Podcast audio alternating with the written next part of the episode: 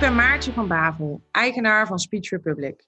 Ontzettend leuk dat je luistert naar dit verhaal. In deze podcastreeks Change for Real ben ik verhalen gaan verzamelen van mensen die nu tijdens deze coronacrisis echt verandering voor elkaar krijgen. Vandaag spreek ik met Mees Tromp. Hij is een van de mensen die de afgelopen weken keihard heeft gewerkt aan het Help de Horeca-initiatief. Een crowdfund-actie die als doel heeft om 10 miljoen binnen te halen voor de Nederlandse horeca en uitgerold gaat worden over 14 landen. Hoor hier zijn verhaal.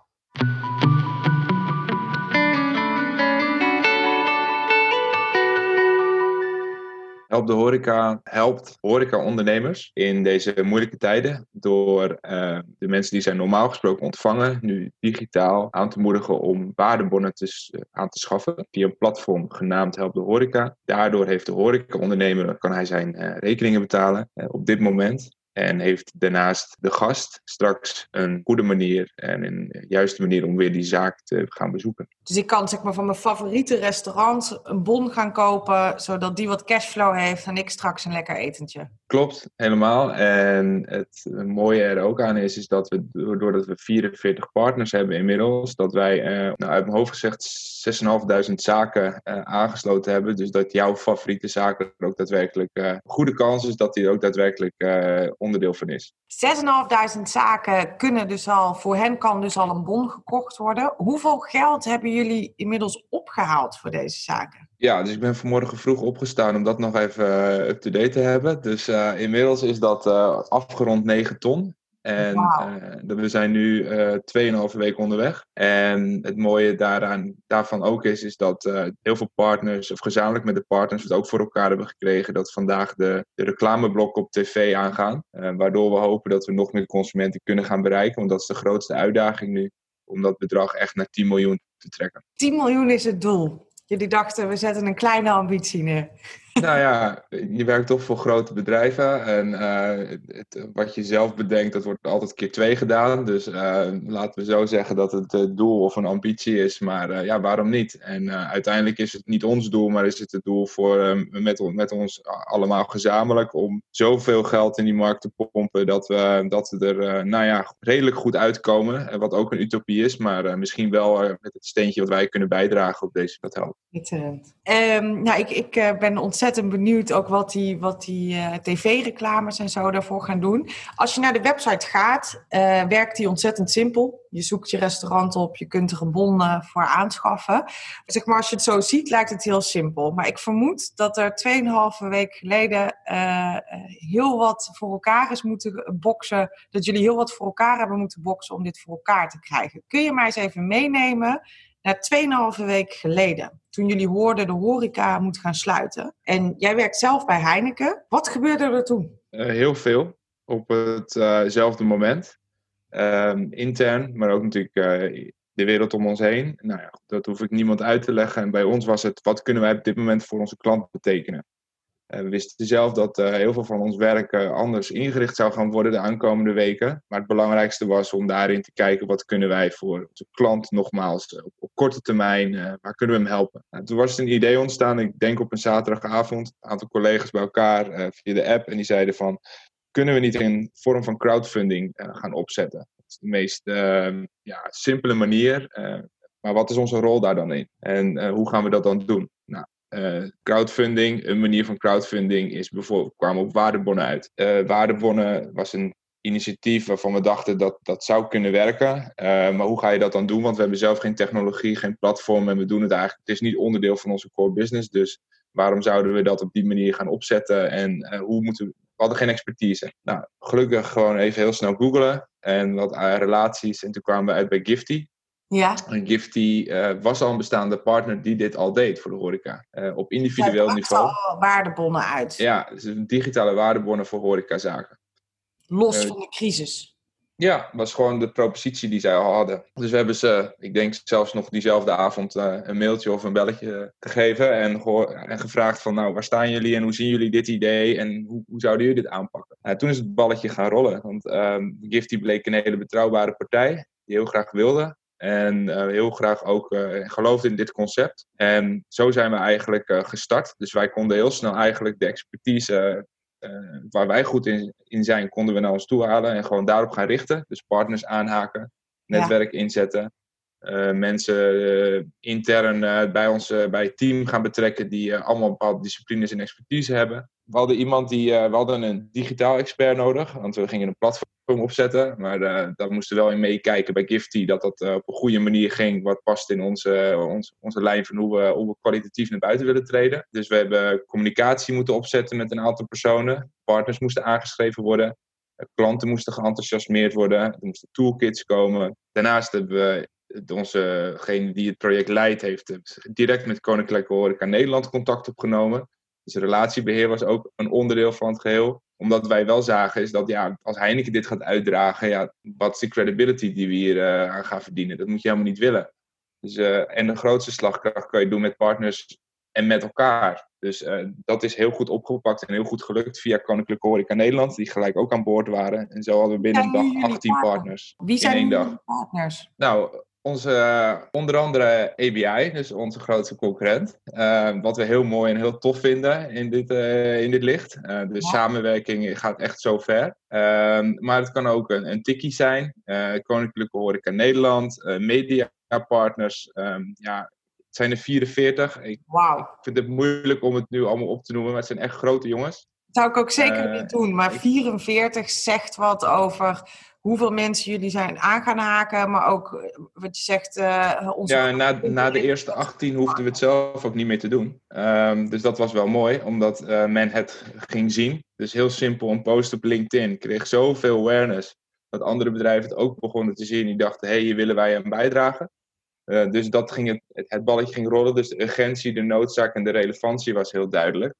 Uh, en dat zagen andere bedrijven ook. En het werd echt omarmd dat uh, niet wij, maar dat we het met elkaar gingen doen. En dat we het met elkaar ook groot hebben gemaakt. Dus we hadden een team van digitale experts, communicatie-experts. We hebben ook daarin gelijk opgetrokken met Frumona samen. Um, om te kijken wat zij kunnen bijdragen. Ja, en dat, uh, dat, dat was het eigenlijk wel. Een stuk vijf, zes. En toen kwamen we erachter dat we na twee, drie dagen live konden. Nou, komen er andere wensen en behoeften. Dus bijvoorbeeld customer care. Uh, Gifty was wel een technologiepartner, maar ja, je gaat wel in één keer heel veel zaken onboorden met heel veel vragen. Legal uh, hadden we heel lang juist expres buiten de deur gelaten, maar het moest toch wel een keer gaan gebeuren. Nou, zo werd het iets groter, maar we hebben het toch wel kunnen managen met vijf, zes man in de eerste weken. Inmiddels uh, heeft ook ons hoofdkantoor aangehaakt en die wil het uitrollen naar 14 landen. En daarvan hebben we gelijk gezegd, niet onze expertise, doe maar, wij focussen ons op het succes in die 10 miljoen het eerder over Dus de kans is dat straks Help de Horeca uh, zich gaat uitrollen over 14 andere landen? Ja, dat, is, dat gaat nu gebeuren. En, en ik, weet, uh, ik weet niet hoe dat gaat gebeuren. En uh, ik weet alleen dat er bij ons hoofdkantoor mensen heel actief mee zijn. Uh, maar dat we een daadwerkelijke voorloper zijn geweest in Europa op dit vlak. En gezien de snelheid en, en het succes wat daarmee gepaard gaat.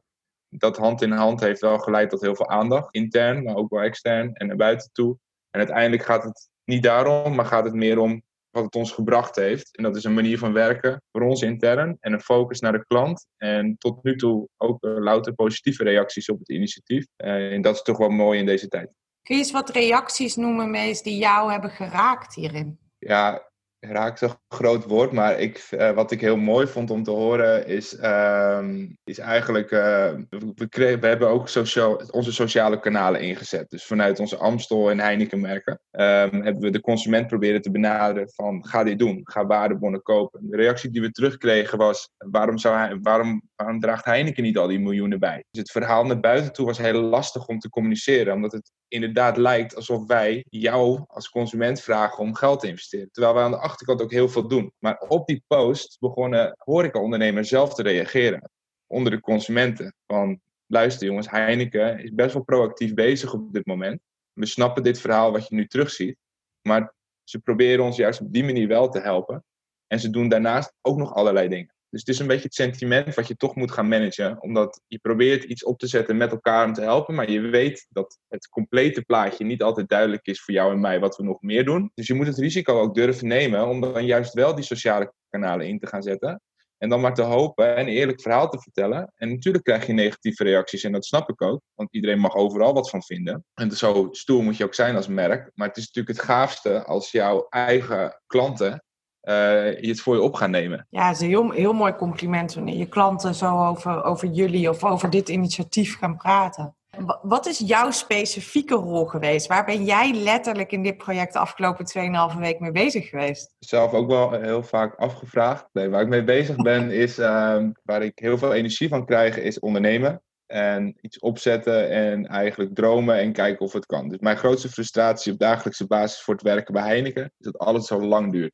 Mhm. En dat je honderden mogelijkheden ziet, uh, maar dat het project normaal gesproken in, een, in de normale omstandigheden altijd zes ma drie maanden geduurd. Dat ik niet overdrijf, drie maanden. En onmogelijk om dit met meerdere partners op te zetten. Dus mijn rol was in dit, ik heb een digitale achtergrond. Mijn rol was om eigenlijk de juiste partners aan te haken, om dit snel voor elkaar te krijgen, zodat we zo snel mogelijk ook relevantie voor de consument konden hebben. Dus heel veel zaken kunnen onboorden op het platform, zodat je jij als consument direct de keuze hebt, ook dat jouw zaak ertussen staat. Dus capaciteit opschalen, digitaal platform neerzetten en daaromheen ook dus ervoor zorgen dat anderen konden gaan vliegen doordat die basis goed ging staan. Um, en dat eigenlijk dat ondernemende, het neerzetten, het snel neerzetten, het goed neerzetten uh, met de juiste mensen die ook die mindset hebben. Dus het verbinden daarin uh, is, wel, uh, is wel mijn rol geweest. Um, wie, wie heb jij aan proberen te haken bijvoorbeeld? Of wat heb jij gedaan wat er nu dus werkt op dat platform? Nou, het, wat er op het platform is dat het simpel is om mee te doen. Dus de ondernemer die uh, snapt wat, die, wat zijn acties moeten zijn om deel te kunnen nemen aan deze activatie. Dus er is geen complexe flow waar hij doorheen moet. Het is, hij, het is eerlijk gecommuniceerd in de USP's dat alles wat, die, wat, die, wat, die, wat de klant investeert in waardebonnen ook daadwerkelijk één op één terugkrijgt. Er zitten geen addertjes onder het gras, er zit geen commerciële uh, link achter. Um, en dat heb ik, daar heb ik heel erg op gepusht om het eerlijke verhaal en duidelijke verhaal met elkaar hebben we dat geprobeerd om dat zo goed mogelijk naar voren te brengen. Want dat is vaak waarom iets wel of niet slaagt. En daarnaast heb ik intern ervoor gezorgd dat ik juist met zo min mogelijk mensen in contact trad, omdat het juist belangrijk was om die snelheid echt te bewaken. Dus we hebben echt bewust gezegd vanaf het begin, we zijn met z'n zessen, we stemmen af met degene, één persoon die boven ons zit, die moet go of no-go geven. En alles zien we wel daarna wat er gaat gebeuren. Dus durf en lef eigenlijk nemen van, ja, wij weten het ook niet. Straks hebben we 9, 9 ton verzameld. Ik heb geen idee hoe dat gaat, hoe het uitgekeerd moet worden, hoe het garantiefonds moet werken of whatever complexe manieren we moeten gaan opzetten. Maar laten we dat allemaal buiten die deur houden om nu die focus en die snelheid te behouden. Dus dat is wel mijn rol geweest. En ook wel de rol die we als team hebben aangenomen. Mooi, mooi om te horen. En, en, maar ik ben ook wel weer benieuwd, want je zegt, ik hoor je eigenlijk zeggen, alle beren die we mogelijk op de weg zouden kunnen zien, hebben we even opzij geschoven. Betekent dat ook dat ze dan niet gaan komen? Of komen er nu alweer heel veel beren op de weg? ik hoor je ehm, lachen, dus ik, ik vermoed dat er al wel wat zijn ik, uh, je weet dat ze komen. Dus je weet dat ze op een gegeven moment om de hoek komen kijken van... hey, uh, bijvoorbeeld in het licht van... hey, we willen dit opschalen naar meerdere landen. Um, bewust gezegd nu ook een keer van... nee, dat is niet onze rol. Want uh, mijn ervaring is dat je dan heel veel tijd kwijt bent... met weer het informeren van mensen. Maar je wil niet bezig zijn met informeren. Je wil bezig zijn met bouwen en succes behalen voor de klant. Dus er gaat best wel veel tijd verloren als je normaal gesproken in normale tijden aan het werk bent met ja, stakeholder management of uh, informeren en bijpraten, meenemen in het verhaal, iemand ook de rol geven van uh, dat hij iets kan bijdragen, het gevoel geven dat we het met elkaar doen. En ja, dat is best wel moeilijk, want het lijkt nu net alsof het ons succes is, maar het is natuurlijk een succes waar het hele bedrijf op vaart. Maar je zou eigenlijk 10 tot 15 projecten op die manier continu moeten gaan uitvoeren. Want er voelt aan niemand zich overgeslagen. 15 projecten doe je die echt voor de klant relevant zijn. En je gaat gewoon in je kracht werken. Want je kan iets bijdragen voor waar je ooit een keer voor aan bent genomen. In plaats van in rondjes praten, kan je beter gewoon maar vooruitkijken en 15 speedbootjes naast elkaar hebben. En dat is wel hetgeen wat ik nu langzaam zie ontstaan. Maar ik moet ook zeggen, we leren heel snel van deze situatie. Dus we leren heel snel een voorbeeld is bijvoorbeeld dat er een, een doorvertaling van het initiatief is dat er nu een marktplaats intern is opgesteld waarin we de speedbootjes eigenlijk neerzetten en mensen kunnen zich inschrijven. Van ga maar eens mee, uh, doe maar eens mee en laat maar eens zien dat je het kan. Met en, andere uh, soort projecten. Maar... Andere soortige projecten, een andere invulling van werkzaamheden, waarin je eigenlijk echt zegt, dit is nu urgent, wie kan hierop aanhaken? En wij bepalen wie wel, wie niet. Maar laat het maar zien. En zo halen we heel snel resultaat. Dus je ziet eigenlijk dat het wel geïnspireerd heeft. De grootste uitdaging, ik zie een aantal beren wel weer ontstaan. Maar dat is ook prima. Sommige zijn ook echt nodig. Want je mag niet onbeperkt budget uitgeven. Et het, moet, het moet kloppen. Dat snap ik. Echter, ehm, ik zie wel de positieve signalen nu ontstaan. En mijn grootste, en mijn droom is dat we dit ook door gaan zetten. Uh, als we straks weer hopelijk uh, op korte termijn in normale tijden uh, belanden.